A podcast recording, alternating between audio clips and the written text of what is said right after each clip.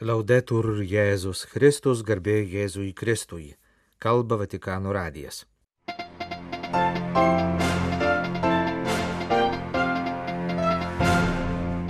Pranciškus pasveikino popiežiškasias akademijas, susirinkusias į posėdį skirtą bažnytiniai architektūrai. Popiežiaus sveikinimai Irako šytų lyderiui ir Paragvajuje vykstančiam Latino Amerikos bažnyčios kongresui, kuriame kalbama apie lytinio išnaudojimo prevenciją. Nikaragvos režimas suspendavo diplomatinius santykius su šventuoju sostu. Popiežiaus išrinkimo sukaktis - išeinanti bažnyčia - vienas svarbių šio pontifikato raktažodžių.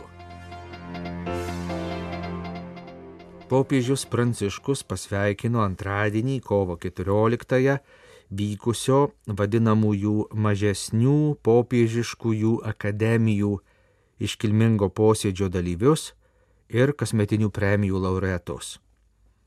Prie Šventojo sosto veikia dešimt skirtingais laikais nuo 16 iki 20 amžiaus įkurtų popiežiškųjų akademijų - Mokslo akademija, Socialinių mokslo akademija ir Gyvybės akademija bei septynios vadinamosios mažosios akademijos vienijančios teologijos, mariologijos, krikščioniškosios literatūros, sakralinės dailės, architektūros, archeologijos specialistus, turinčios vieną bendrą koordinatorių. Iki pernai įsigaliojusios Romos kurijos reformos šių septynių akademijų veiklą koordinavo popiežiškoji kultūros taryba. Dabar jos veikia ugdymo ir kultūros dikasterijos žinioje. Būtent šios dikasterijos vadovui, kardinolui Jose Tolentino da Mendonsa popiežius adresavo laišką parašytą akademijos posėdžio proga. Šiemetinio iškilmingo akademijų posėdžio tema - bažnytiniai architektūrai keliamos užduotys - kaip projektuoti, įrengti, pritaikyti kulto erdves, atsižvelgiant tiek į šio laikinės architektūros kalbą, tiek į liturgijos reikalavimus. Šią temą svarsto ir popiežius akademijų koordinatoriui adresuotame savo laiške, perskaitytame per posėdį. Visi suprantame, kaip labai svarbu, kad liturgijos šventimo aplinka skatintų maldą ir bendrystės jausmą, rašo popiežius. Visi tą aplinką kuriantys elementai - erdvė, šviesa, akustika, spalvos, simboliai, liturginiai baldai - yra labai svarbus, nes jie tarnauja didžiajam įvykiui Dievo ir žmogaus susitikimui, kuris vyksta liturgijoje. Popiežius pabrėžia esminius aspektus, į kuriuos turėtų atsižvelgti liturginės erdves kuriantys architektai. Visų pirma, reikia siekti, kad būtų suprantama architektūroje naudojamų simbolių kalba. Antra, pati liturgija turi būti pagrindinis meninės ir architektūrinės kūrybos įkvėpimo šaltinis. Popiežius šią progą taip pat pasveikino dviejų architektūrinių projektų autorius, kurie buvo apdovanoti šiemetinėmis popiežiškųjų akademijų premijomis. Pirmoji premija buvo skirta už Romos šventųjų Pranciškaus Asižiečio ir Kotrynos Sienietės koplyčios atnaujinimą ir liturginį pritaikymą, antroji už bažnyčios Pontederos miestelėje Toskanoje projektą. Popiežius Pranciškus pasiuntė laišką Irako šytų dvasiniam vadovui Ali Al-Sistani, su kuriuo jis susitiko per savo vizitą Irake 2021 metais. Kaip tik šiomis dienomis Nadžafo mieste, kur gyvena Irako šytų vadovas, vyko tarp religinė konferencija surenkta popiežiaus vizito antrųjų metinių proga. Kreipdamasis į didįjį ajatolą Ali Al-Sistani, popiežius Pranciškus rašo, kad prieš dviejus metus įvykęs jų susitikimas liudyja apie katalikų ir šėtų norą palaikyti nuoširdų dialogą ir apie suvokimą, kokia didelė atsakomybė už visuomenių darną ir taiką tenka religijų lyderiams. Pasak Pranciškaus, visi religijų lyderiai taip pat turi pareigą skatinti politinius veiksmus, kuriais būtų ginamos pagrindinės kiekvieno asmens teisės. Abu esame įsitikinę, rašo popiežius Irako šeitų vadovui, kad pagarba kiekvieno asmens ir kiekvienos bendruomenės orumui ir teisėms, ypač religijos žodžių ir įsitikinimų laisvė yra socialinės ramybės bei darnos tarp tautų šaltinis. Popiežius linki, kad krikščionys ir musulmonai kartu liudytų tiesą, meilę ir viltį pasaulyje, paženklintame daugybės konfliktų. Popiežius pasiuntė žinę visos Latino Amerikos bažnyčių atstovams dalyvaujantiems Paragvajaus sostinėje Asuncione kovo 14-16 dienomis vykstančiame susitikime, kuriame kalbama apie kovą su seksualiniu išnaudojimu bažnytinėje aplinkoje ir apie prevenciją.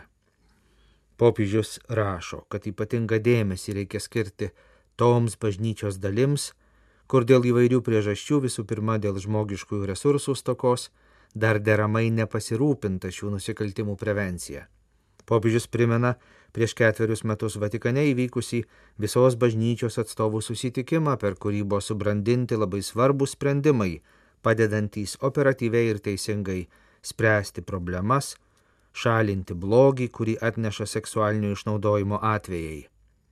Ne tik seksualinė prievarta, kurią bažnytinėje aplinkoje patyrė nepilnamečiai ir pažeidžiami žmonės, bet ir šių atvejų dangstymas, kuriuo nusikalto vyskupai ar vienuolijų vyresnieji, paliko neišdildomą randą Kristaus kūne bažnyčioje. Negalima šio blogio ignoruoti ar menkinti, nes tai didžiulė žala Dievo tautai ir Evangelijos diskreditavimas kitų akise. Popiežius pripažįsta, kad bažnyčios vadovai daug nuveikė, kad pasipriešintų šiam blogiui ir užkirstų kelią jo kartojimuisi. Ir linki, kad Paragvajuje vykstantis susitikimas būtų konkreti troškimo toliau spręsti šias problemas išraiška.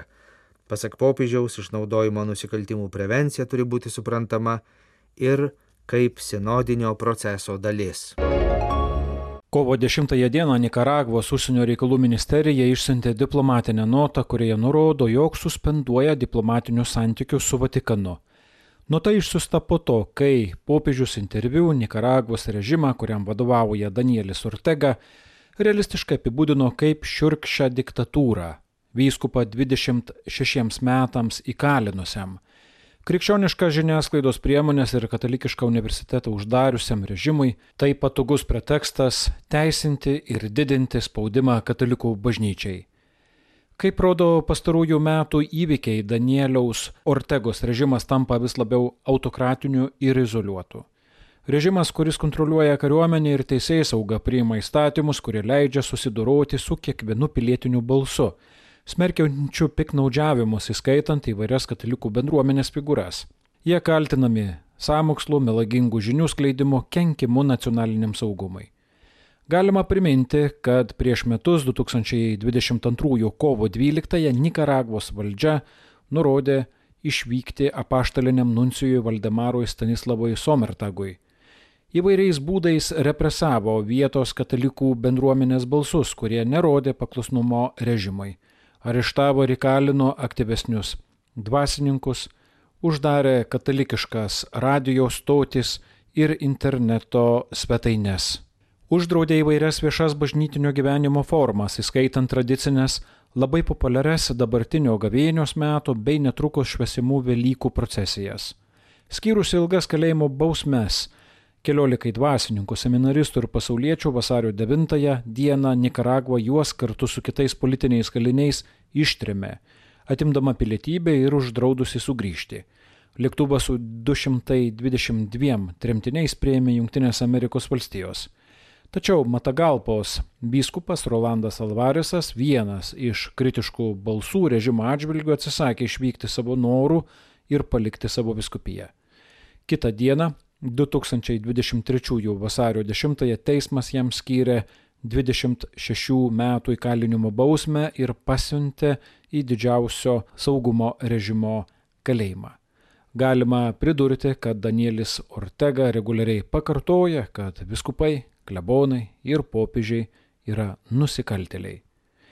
2023 kovo 10 dieną argentiniečių žinių svetainė Infobae paskelbė interviu su popiežiumi Pranciškumi, kuriame pasiteiravo ir apie padėtį Nikaragvoje. Su didelė pagarba, bet neturiu kitos išeities, kaip tik manyti, jog žmogus, kuris vadovauja Nikaragvai, yra nesubalansuotas.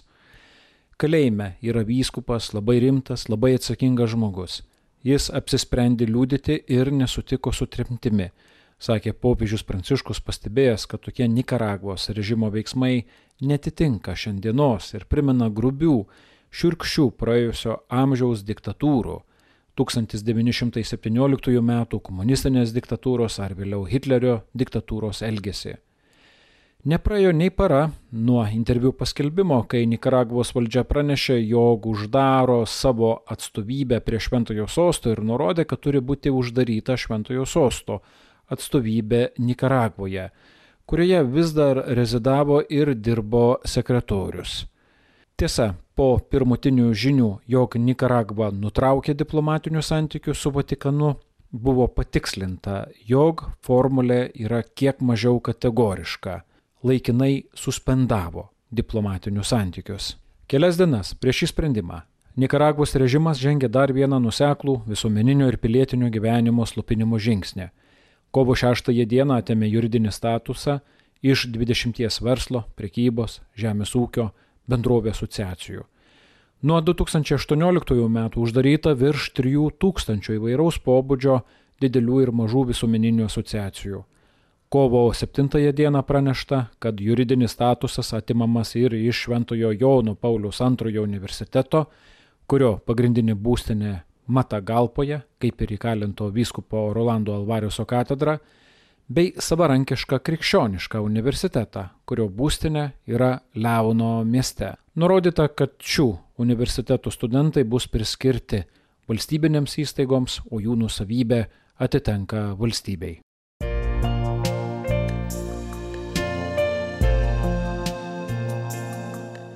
Jūs klausotės Vatikanų radio. Tęsėme žinių laidą lietuvių kalba.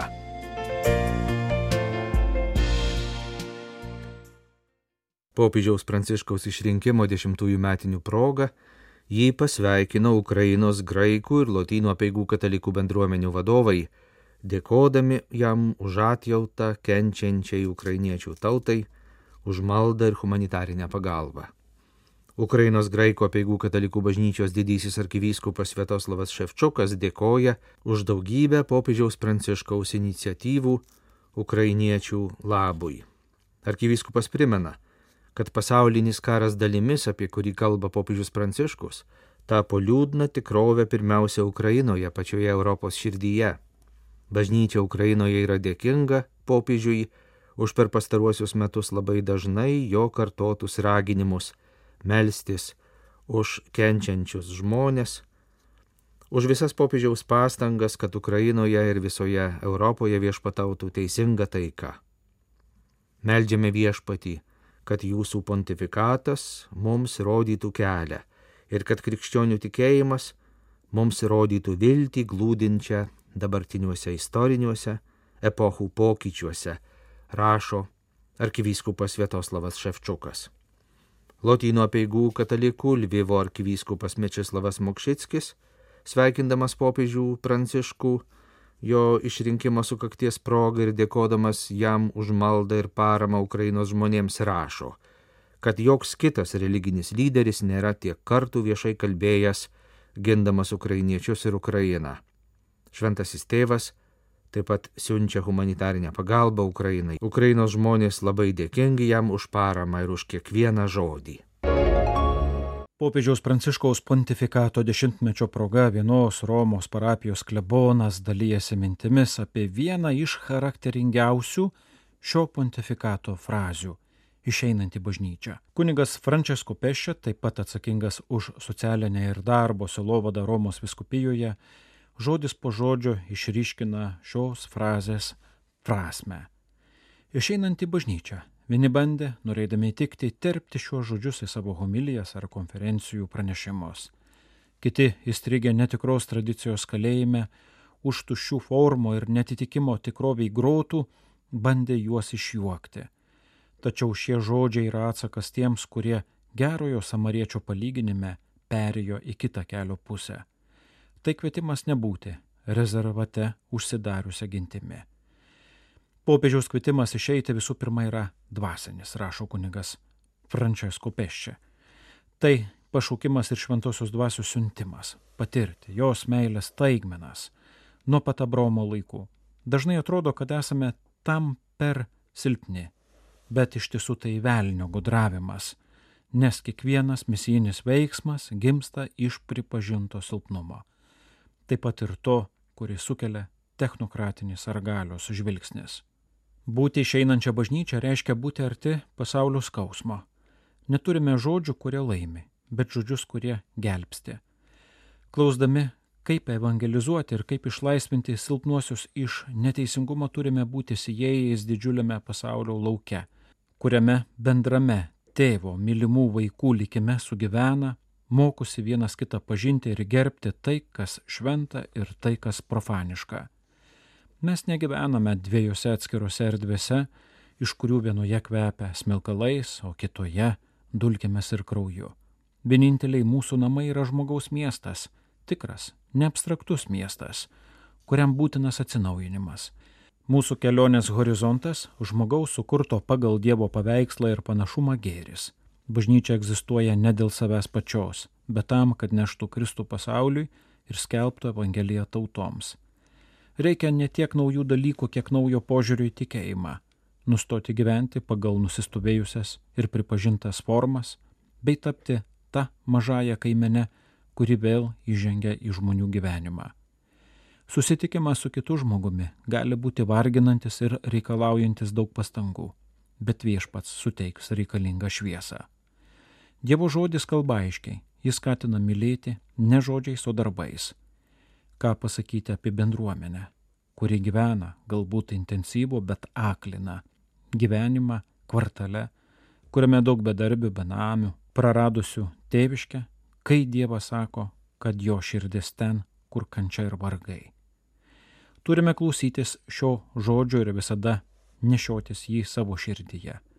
Pamokanti Pauliaus patirtis kurio atsivertimas prasidėjo, kurio gyvenimas pasikeitė tada, kai jis išgirdo Dievo žodį. Visą likusį gyvenimą jis skelbė tą žodį ir tą tikrovę, į kurią nulatos gilinosi.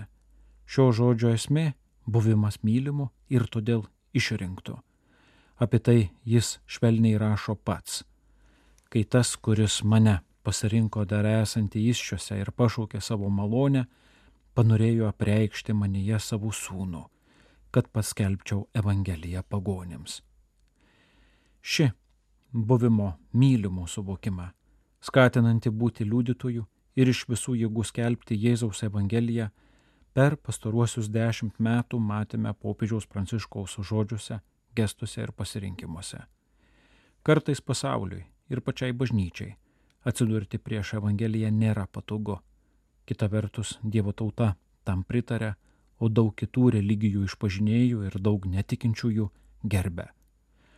Pirmiausia, atverkime savo širdis, po to parapijas, universitetus, be baimės jausmo, be pralaimėjimo baimės ar apsimetimo, jog nežinome, kad įsitvirtinti legalizme yra lengviau nei priimti Evangelijos iššūkį, laukiant susitikimo su Dievu, mylėti iki galo. Rašo Romos viskupijos kunigas apžvelgdamas popiežiaus kvietimą būti išeinančią bažnyčią.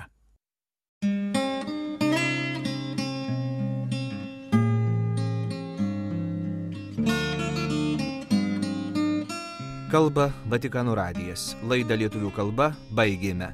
Garbėjai Jėzui Kristui, laudetur Jėzus Kristus.